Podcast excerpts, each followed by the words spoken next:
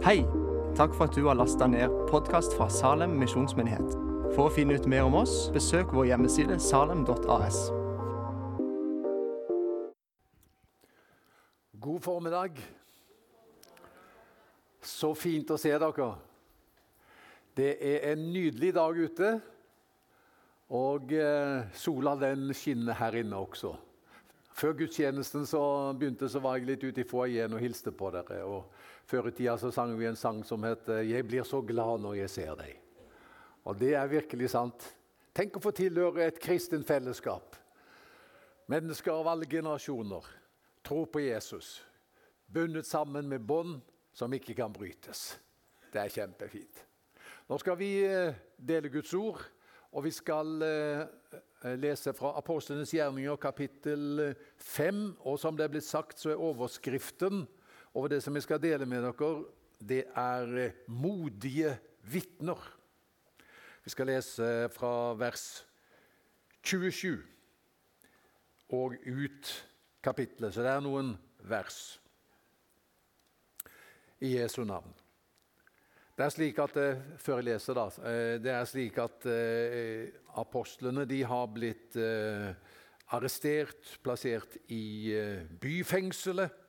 Og så nå står de overfor det som er datidens høyesterett og det som kalles Rådet. Og de blir skarpt irettesatt. Nå skal vi høre. De tok apostlene med seg og førte dem fram for rådet. Og øverste presten begynte å forhøre dem. Vi påla dere strengt at dere ikke skulle undervise i dette navnet. Og nå har dere spredt læren deres over hele Jerusalem og vil legge skylden for denne mannens blod over på oss. Men Peter og de andre apostlene svarte, en skal lyde Gud mer enn mennesker. Og Hvis du ikke har streket under det, den setningen i Bibelen din, så kan det være lurt å gjøre. Det er faktisk en svært viktig setning i Bibelen. En skal lyde Gud mer enn mennesker. Våre fedre Våre fedres Gud reiste opp Jesus, han som dere hengte på et tre og drepte. Ham har Gud opphøyd og satt ved sin høyre hånd som fyrste og frelser, slik at han kan gi Israel omvendelse og tilgivelse for syndene. Vi er vitner om alt dette, vi og Den hellige ånd, som Gud har gitt dem som er lydige mot ham. Da de hørte det, ble de rasende og bestemte seg for å rydde dem av veien. Men da reiste det seg en mann i rådet, fariseeren Gamaliel, en lovlærer som hele folket satte høyt. Han befalte dem å føre mennene ut en liten stund og sa:" Israelitter, tenk dere godt om før dere gjør noe med disse mennene. For en tid siden sto Tevdas fram. Han ga seg ut for å være noe stort, og omkring 400 mann sluttet seg til ham. Men han ble drept, og alle tilhengerne hans ble spredt og forsvant. Etter ham, da folketellingen pågikk, kom galileeren Judas. Han fikk folk med seg, men også han omkom, og alle tilhengerne hans ble spredt. Og nå sier jeg dere, hold dere unna disse mennene, slipp dem fri. For dersom dette er menneskers vilje og verk, blir det ingenting av det. Men er det av Gud, da kan dere ikke stoppe dem. Pass dere, ellers kan det vise seg at dere kjemper mot Gud. De fulgte dette rådet og kalte apostlene inn igjen. De lot dem piske, forbød dem å tale i Jesu navn og slapp dem fri. De forlot rådet og gledet seg over at de var funnet verdige til å bli vanæret for navnets skyld. Men de lot seg ikke stanse. Både i tempelet og i hjemmene underviste de dag etter dag og forkynte evangeliet om at Jesus er Messias. Amen. Herre, takk for disse modige vitnene som vi leser om her. Vi ber at det vi leser, skal vi høste lærdom av, og at det skal smitte over på oss også. Og at vi også i vår generasjon, og slik du leder oss, kan være modige vitner. Amen. Ja, jeg har eh, ganske mange bøker hjemme, og en god del bøker også som eh, handler om apostlenes gjerninger og forklarer hva, hva den boka handler om. En av de bøkene heter 'Gullkristne'. Boka er bra. Det er lenge siden jeg har uh, bladd i den, riktignok, men tittelen husker jeg jo da. 'Gullkristne'. Det som er med den tittelen, det er at vi jo veldig fort kan få inntrykk av at uh, de menneskene som uh, vi leser om i apostlenes gjerninger, de er av et litt annet materiale enn du og meg. Vi er jo alminnelige dødelige, men når vi leser om disse her, de er liksom der så de spiller i en annen divisjon. Så la meg derfor eh, begynne med å eh, gi deg følgende beskrivelse av Bibelens helter. En liste som jeg kom over en gang. Ok, her har du dem. Kommer de i tur og orden. Moses stammet. Johannes Markus ble forkastet av Paulus.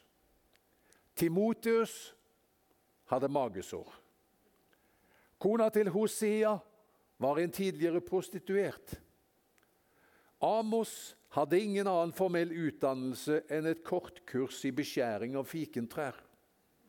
Jakob var en bedrager. David hadde en utenomekteskapelig affære. Salomo var for rik. Jesus var for fattig. Abraham var for gammel. David var for ung. Peter var redd for å dø. Lasarus var død. Paulus var en morder. Det var Moses også. Jonah rømte fra Gud. Miriam drev med baktalelse av broren sin. Gideon og Thomas var begge tvilere. Jeremia var depressiv. Elia var utbrent. Johannes døperen var litt stor i munnen, alvorlig talt. Martha bekymret seg for alt mulig. Maria, søstera, var av det latere slaget. Samson hadde langt hår. Noah drakk seg full. Glemte jeg å si Moses hadde lang lunte. Nei, kort, vet du. Unnskyld. Han hadde aldeles ikke lang lunte. Han hadde kort lunte. Og det hadde Peter og Paulus og veldig mange andre også. Så Bibelen er veldig nøktern når den presenterer aktørene. De er mennesker av kjøtt og blod. Faktisk talt På gravstenen til enhver Guds mann og kvinne kunne det gjerne stå følgende innskrift Her hviler et menneske. Når dette er sagt, så er det slik at de kristne som vi leser om her, også i dette kapitlet Jeg har samla dette i fire punkter. Vil du ha punktene eh, så du har noen knagger å henge på? Ja, du skal få de. Første punktet er de, eh, de første kristne var modige vitner. Andre punktet mitt det er eh, Hva var følgene av deres modige vitnetjeneste? Det tredje punktet det er hvor fikk de motet fra? Og Det fjerde punktet er å være modig behøver ikke bety at man gjør store bragder, men gjør små ting med stor kjærlighet. Og det, Hvis du kan moder Teresa, så vet du det er et sitat fra henne. Så der har du de fire punktene. Da tar vi punkt nummer én. Og det var altså Jo, de første kristne var modige vitner. De religiøse lederne prøvde å true dem til taushet. De fengslet dem, truet dem ytterligere. De pisket dem. Men det står i vers 42.: Men de lot seg ikke stanse. Vers 28, vi kan lese det igjen. Vi påla dere strengt, sier Høyesterett, at dere ikke skulle undervise i dette navnet. Og nå har dere spredt læren deres og fylt hele Jerusalem med denne læren. Og Da er det at Peter og de andre apostlene svarer vers 29.: Jeg skal lyde Gud mer enn mennesker. Så det kan vi bare slå fast at eh, de var modige. For det andre Det går fort unna i formiddag med punktene. Allerede ferdig med ett punkt. Andre punktet. Følgende av deres modige vitnetjeneste. Hva var det? Det er 200 punkter. For det første det var noen negative personlige konsekvenser av dette. En gang kom jeg over følgende eh, setning. Skal du høre? Det er utrolig hva vi mennesker kan finne på av synd hvis vi forstår at det ikke vil få negative personlige konsekvenser. Og det er utrolig hvor unnfallende vi mennesker kan være i forhold til det å gjøre det som er rett, hvis vi skjønner at det vil få negative personlige konsekvenser. Det er egentlig veldig godt sagt. Hvor fort altså, vi, vi, kan falle i en av de grøftene, og det er liksom konsekvensene som, som kan styre det. Men de første kristne, for dem så var det helt klart det var en pris de var villige til å betale. Det står i vers 40 at de ble pisket, og de fikk forbud om å tale i Jesu navn. Og så står det i vers 41 de forlot rådet og gledet seg over at de var funnet verdige til å bli vanæret for navnets skyld. Hm. Det minner meg på en historie om Rikard Jeg vet ikke helt hvordan etternavnet hans skal uttales, faktisk, men det skrives nå Wurmbrandt. Kanskje uttales det litt annerledes. Noen av dere husker denne rumenske pastoren som satt mange år i fengsel i Romania pga. sin tro. Det var eh, under kommunistregimet. Og så sier han det, denne Rikard Wurmbrandt, at eh, han eh, hadde lyst, Det var noen andre kristne også der i fengselet. Og så hadde de lyst til å dele evangeliet om Jesus med medfangene. Men de visste at det ville få noen negative personlige konsekvenser. De visste at eh, da vil fangevokterne slå dem. Så ba de litt sammen så sa de, den prisen er vi villige til å betale. Så Rikard sa vi vitnet om Jesus. Fangevokterne slo oss. Vi var glade for å vitne. De var glade for å slå. Og dermed var vi alle glade i dette fengselet. Så, så, så sånn kan det også sies. Men altså, de var villige til å betale prisen, selv om det kostet noe. Så sa de at det er faktisk viktig for oss å dele evangeliet om Jesus med andre. Så må det jo også sies det var noen negative eh, personlige konsekvenser. Men du verden, for et spennende liv! Kan vi være enige om det? For et interessant liv! Det slår meg da jeg leser apostlenes gjerninger og leser om disse menneskene. For et liv de levde! Da Høyesterett ville rydde dem av veien, som det står, så stagget Gamaliel dem. Vi leste om han, husker du det? Og Så trakk han fram to historiske eksempler på, på bevegelser som hadde rent ut i sanden. Det ene var Tevdas, og det andre var Judas. De var ledere for bevegelser, men de ble begge drept, og tilhengerne ble spredt. Og eh, det ble ikke noe av det. Og eh, Da er det at han sier vers 38.: Og nå sier jeg dere, sier Gamaliel da til de andre religiøse lederne. Hold dere unna disse mennene. Slipp dem fri. For dersom dette er menneskers vilje og verk, blir det ingenting av det. Den setningen der slo meg litt. Det er ingen som vil finne på å si, når man ser på livet til Peter og de andre apostlene Vet du hva? Det ble ingenting av det. For et tomt liv.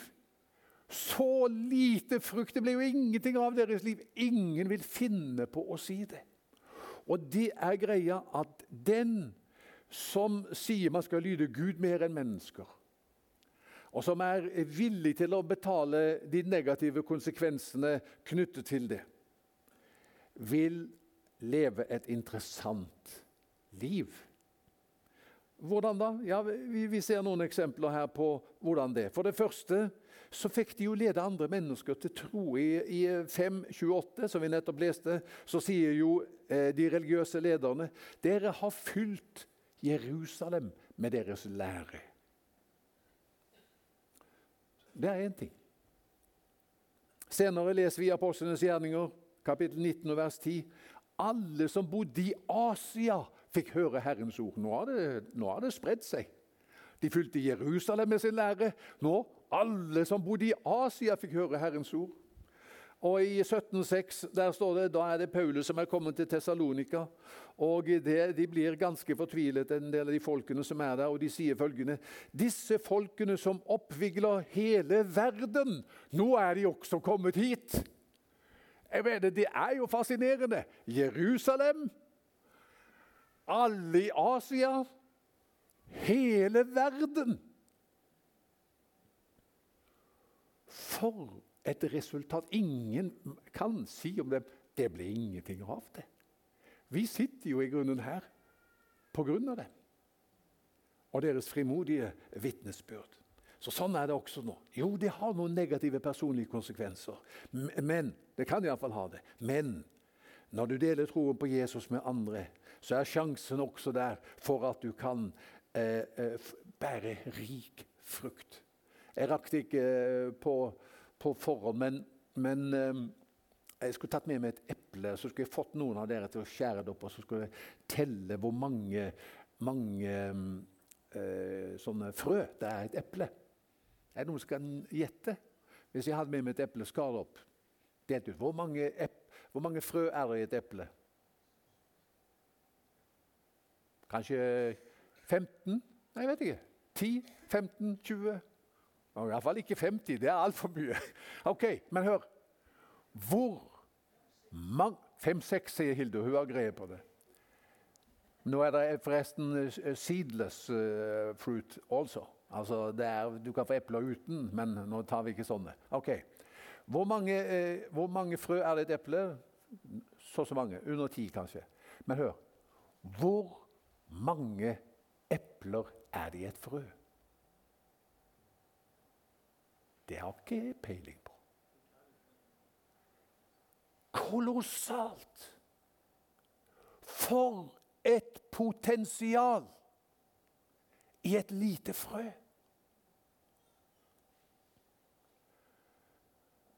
I hvert hvetekorn er det potensial til en åker.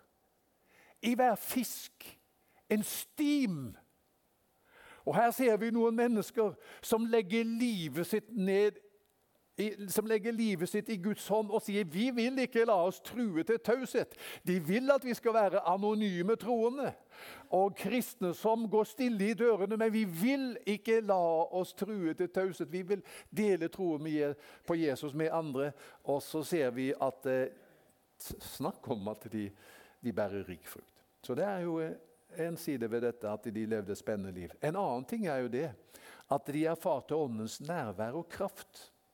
Det syns jeg er, eh, det, det er jo fantastisk å, å få lov å leve et liv der man erfarer åndens nærvær og kraft. Det står i vers 32, Apostelens gjerning 5. Da sier de Vi er vitner om alt dette, vi og Den hellige ånd. Fint uttrykk. Vi og Den hellige ånd som Gud har gitt dem som er lydige mot ham. Hm. Her var det noen som var villige til å betale en pris. Og så sier de Vet du hva som skjedde? Når vi var villige til å betale den prisen, så fikk vi jo erfare Åndens nærvær og kraft i våre liv på en måte som vi aldri hadde drømt om. Det var et sånt ammen, en sånn bekreftelse av Den hellige ånd over vårt liv. Og det som skjedde gjennom livet vårt, det kan egentlig ikke forklares på annen måte enn ved Åndens gjerning i oss og gjennom oss. For mange år siden leste jeg om en, eh, en gutt. Han uh, var på et uh, hotell. Og så uh, så hadde de et piano i lobbyen. Så han satte seg ned der. og Det kan jo gutter like å gjøre. Og så med den ene fingeren så klunket han litt på piano. Det var i grunnen ikke noen som la merke til det. Men det var jo da en jeg vet ikke om han var komponist eller utøvende musiker eller begge deler. Men i alle fall han la merke til den der lille gutten som, som holder på der og med den enkle uh, hånda si spiller en enkel melodi. Og Så setter han seg ved siden av ham. Og så gir han uh, et fyldig akkompagnement. Og plutselig så, så, er det ikke bare liksom, folk, det er ikke bare at de eh, går forbi, men de stopper opp. Og de stimler seg rundt denne lille gutten med den lille fingeren som spiller den enkle melodien, men som har et akkompagnement som gjør at det er mange som begynner å lytte. Og sånn er det at den som er villig til å si til Jesus Her er jeg. Hvis du vil bruke meg til å vinne mennesker, så sier han han og henne må vi passe godt på. Og så skal du få erfare Åndens nærvær og kraft i ditt liv. Um, men vi må, vi må videre. Og eh, så må vi spørre hvor fikk de dette motet fra? For det er jo en ting, Nå har jeg beskrevet gullkrisen, og du kanskje allerede føler at hops, de er laget av det, det, det, Jeg har iallfall en annen legering enn dette her. Men hør nå. Hvor fikk de motet fra til å være vitner? Saken er den at de hadde ikke alltid vært frimodige. Nå, vi tenker Noen er liksom bare født frimodige. Kanskje men apostlene var i alle fall ikke det. I Getsemanehagen, da Jesus ble arrestert, hvordan var det? Da flyktet de alle sammen. Og Peter han har sagt om alle forlater deg Vi kjenner historien, og vi kan kanskje identifisere oss spesielt med han. Om alle forlater deg, så skal iallfall ikke jeg forlate deg, Jesus. Jeg er villig til å dø for deg. Vi kjenner dette.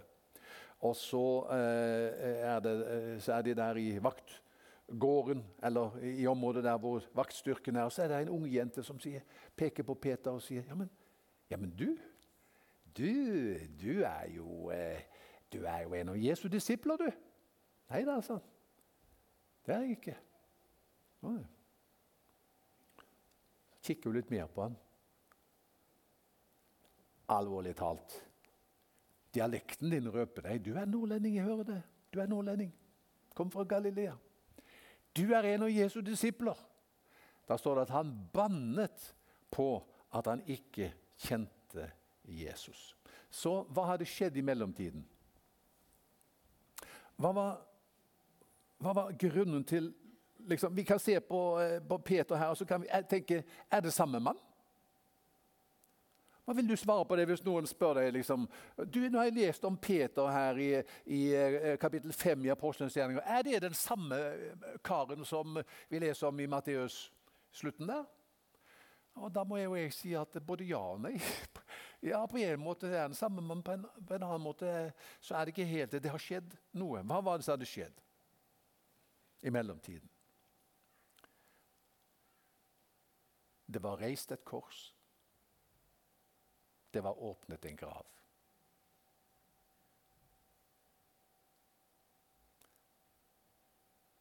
Skal jeg si det en gang til?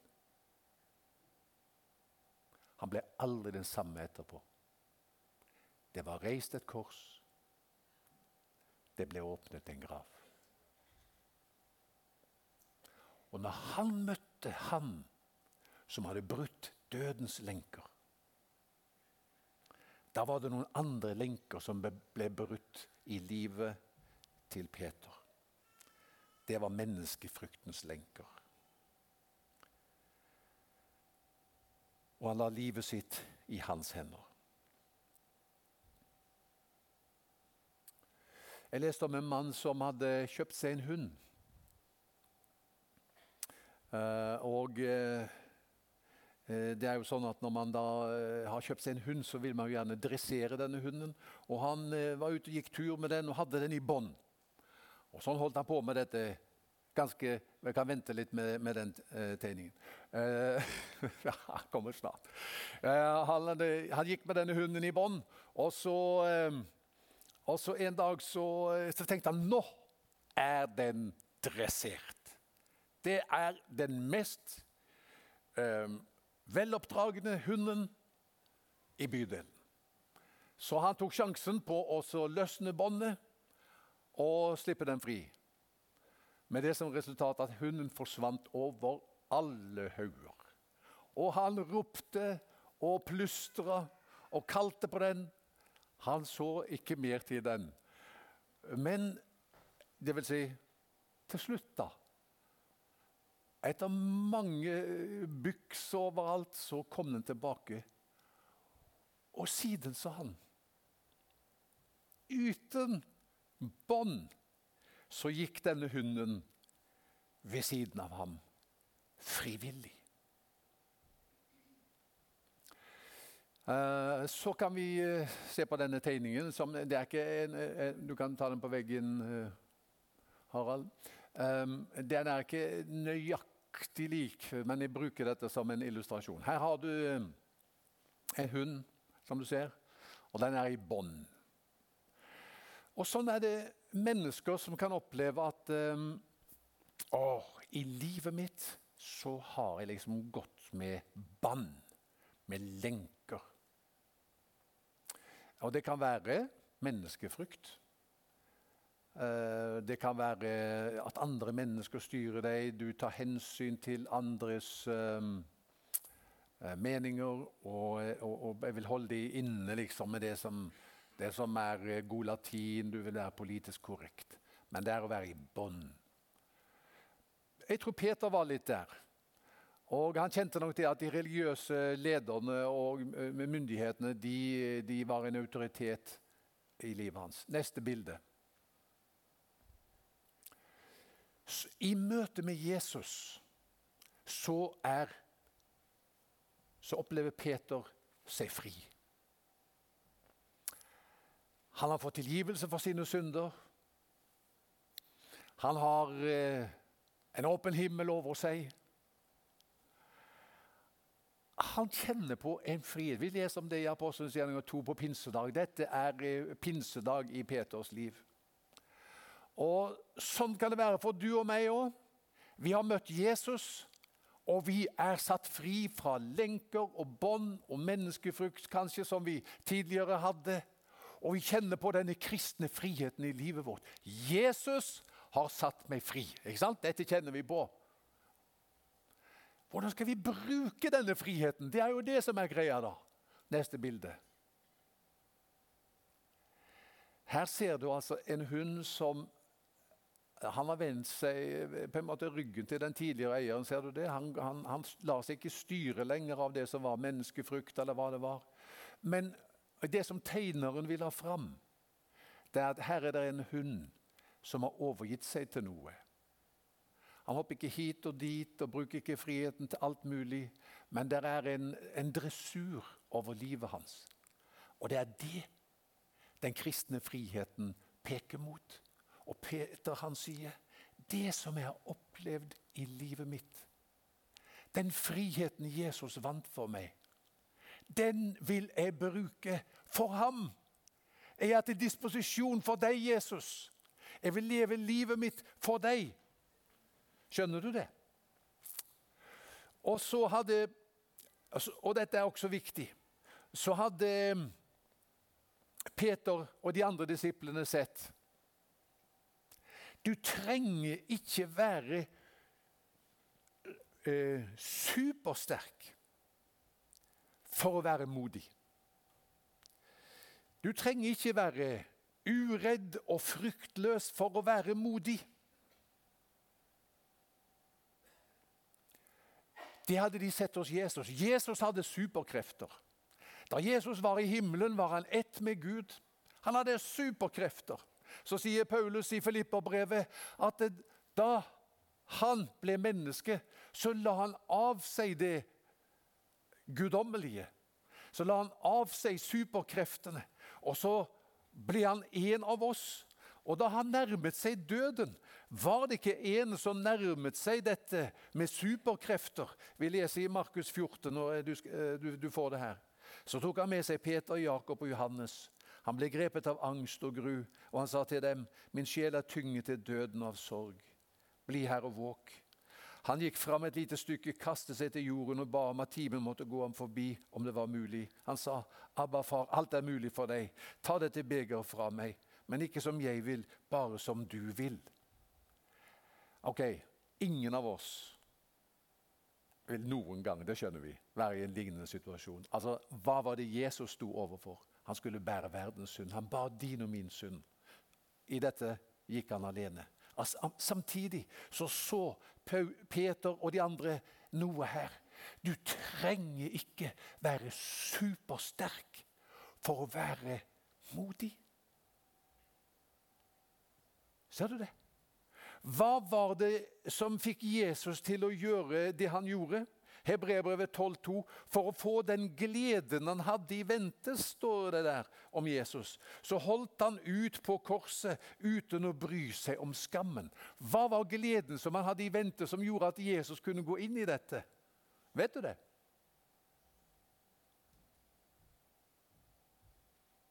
Det var deg og meg. Det var gleden han hadde i vente. Altså det at du og meg skulle bli frelst, det at du og meg skulle komme til himmelen, det var det han så for seg, og som gjorde at han var villig til å gjøre det som hadde eh, så absolutt så tydelige negative konsekvenser for hans liv. Så dette forteller oss noe veldig viktig. Å være modig, det er ikke reservert for de få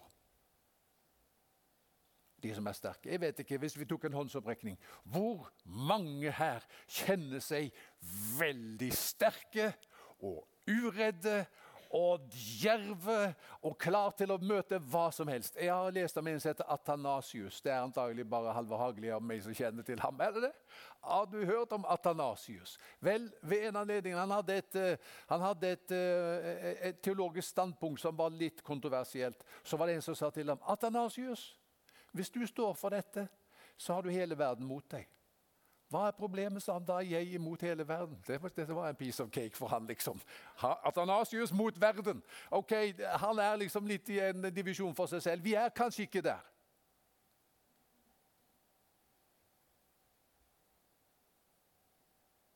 Jeg er svak. Jeg er uredd. Nei, jeg er redd. Unnskyld. Men som Silje sa, mot er ikke fravær av frykt. Det er å være redd og gjøre det som er rett likevel. Hva var det som fikk Jesus til å gjøre det? Det var deg og meg. Han så oss.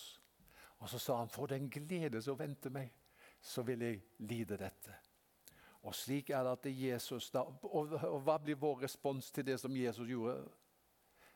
Jeg tenker, 'Herre, gjorde du det for meg?' Da er det bildet som tegneren her tegner av denne hunden som opplevde friheten, men som nå på en måte er i, i dressur. Som sier 'Jeg vil lyde Gud mer enn mennesker'. Jeg vil bruke friheten min til å tjene deg. Så er det krefter også i dag som, eh, som vil kalle oss til å være anonyme troende. Det er det. Og vet du hva Jesus har? Jeg føler at Jesus har sagt det til meg. Eh, at um, Hva er det viktigste som kan skje? Hvorfor er det ikke vekkelse i landet vårt? Har jeg tenkt på, jeg bedt over det. Hvor, hvor, hvorfor er det ikke vekkelse i landet vårt? Ja, det har litt med sesonger å gjøre òg. Noen ganger så er det, det er ulike tider i en nasjon. Så det kan være en faktor. Absolutt. En annen faktor er dette Det som trenges mer enn noe annet kanskje i vår tid det er kristne som er svake, som allikevel gjør det som er rett. Det som landet vårt trenger mer enn noe annet, det er frimodige vitner. Mennesker som sier 'Her er Jesus'. Ok, da er jeg på tid, men jeg må bare si det jeg går inn for landing. Det betyr ikke at du, du kalles til store bragder. At du skal gjøre ekstraordinære ting. Og at Man sier liksom om livet ditt når, når, når det er minnetale over livet ditt Ja, han og hun forandret nasjonen. Det er ikke det. Man kan gjøre små ting med stor kjærlighet. Og Hvis vi får det siste bildet, eh, Harald, så er det et bilde som noen av dere kanskje kjenner igjen. Vi tror at Når vi, vi, ber over dette, her, så tror vi at det er en vei som Gud kaller oss til å gå i Salem, den, den handler om varmere basseng. Og at det er ulike basseng som vi kan bruke til å lede mennesker til kontakt med Jesus. Og Det første bassenget det er mm, det som vi kan kalle uformelle møter med naboer. Det neste bassenget det er disippelgrupper. Vi har masse smågrupper i, i kirka vår. Og, og, Det neste bassenget ser du fargen er litt annerledes. Det, det, det, betyr det blir litt varmere. Og så har du aldersbestemte samlinger som formiddag i Salem, eller eh, kveldsmøte, eller camp. Og så har du gudstjenesten som vi er med på nå, som er det varmeste bassenget. Eh, hvor generasjonene møtes. Men hva handler eh, naboer om? Ja, Det er det som vi antagelig leser om her i eh, Apostlenes gjerninger kapittel 5 hvor det står i det siste verset De lot seg ikke stanse. Både i tempelet og i hjemmene underviste de dag etter dag og forkynte evangeliet om at Jesus er Messias. Hjemmene! Hvordan kan hjemmene være et sted der vi kan gjøre små, modige handlinger? Det kan være å invitere naboene på kveldsmat. Eller ettermiddagskaffe. Styrke relasjonene. Der tror jeg det begynner. Jeg hørte noen som sa at eh, vi forkynner ikke for dem. Men vi pleier oss å spørre når, eh, når, vi har noen naboer hjemme hos oss. Så pleier vi å ha en takkerunde. Så sier vi i hjemmet vårt har vi alltid en takkerunde før vi spiser. Har, har dere noe dere er glad for? Og så deler man det. En takkerunde. Og det var liksom det. Så snakket man ikke så mye mer om Jesus. Så hadde man naboene på besøk en annen gang. Og så sier man at eh, vet du hva, eh, hvis, hvis det nå fantes en Gud, hva ville du ha bedt han om da? Ja, Så sier de da ville jeg ha bedt om for tanta mi at hun ikke sant, Et eller annet. Ja. Ja, men vet du hva, vi tror på Gud hos oss, og det kan vi huske på. Eller en annen gang. vet du hva, På kjøkkenet vårt så har vi ei tavle, og der skriver vi opp sånne, sånne bønneemner. Så hvis du trodde på Gud, eh, hva, hva, ville du Eller kunne vi få lov å skrive noe på den tavla? Se helt på det nivået der. Så små skritt. Og etter hvert så bygges det relasjoner. Og så kan vi invitere dem til noen varmere basseng. Og så kan vi, Geir, takk for eh, engasjementet for Alfa. Så kan vi invitere dem på Alfa. så er kanskje Det nesten som en nabogruppe. Det er ikke så veldig varmt, men det blir fort varmt på Alfa. Og så videre og så videre. Jeg har kommet til avslutningen.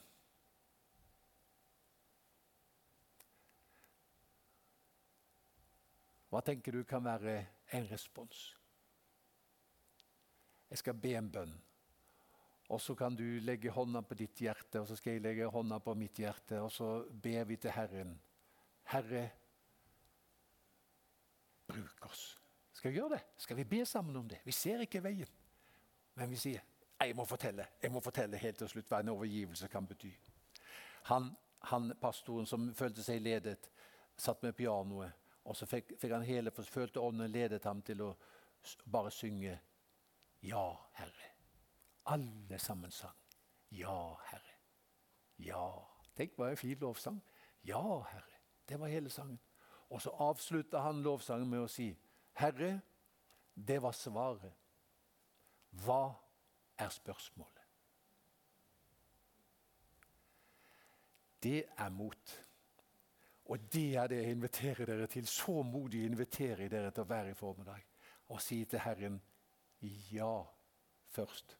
Og så sier vi etterpå ok, hva er spørsmålet? Vi er dine. Hånda på hjertet.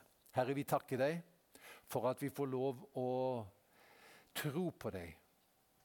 Du som holdt ut lidelsen på korset for den gleden som ventet deg. Og det var oss. Takk for det du gjorde for oss, Jesus. Og nå vil vi si til deg vi er dine. Vi er ikke sterke, vi er ikke verdens modigste, men vi er dine. Og så vil vi si det til deg, Jesus. Bruk oss. Vi overgir oss til deg for at du skal lede oss gjennom livet videre. At også i denne fasen av livet skal vi få lov å være redskaper i din hånd. Takk at du hører vår bønn. Amen.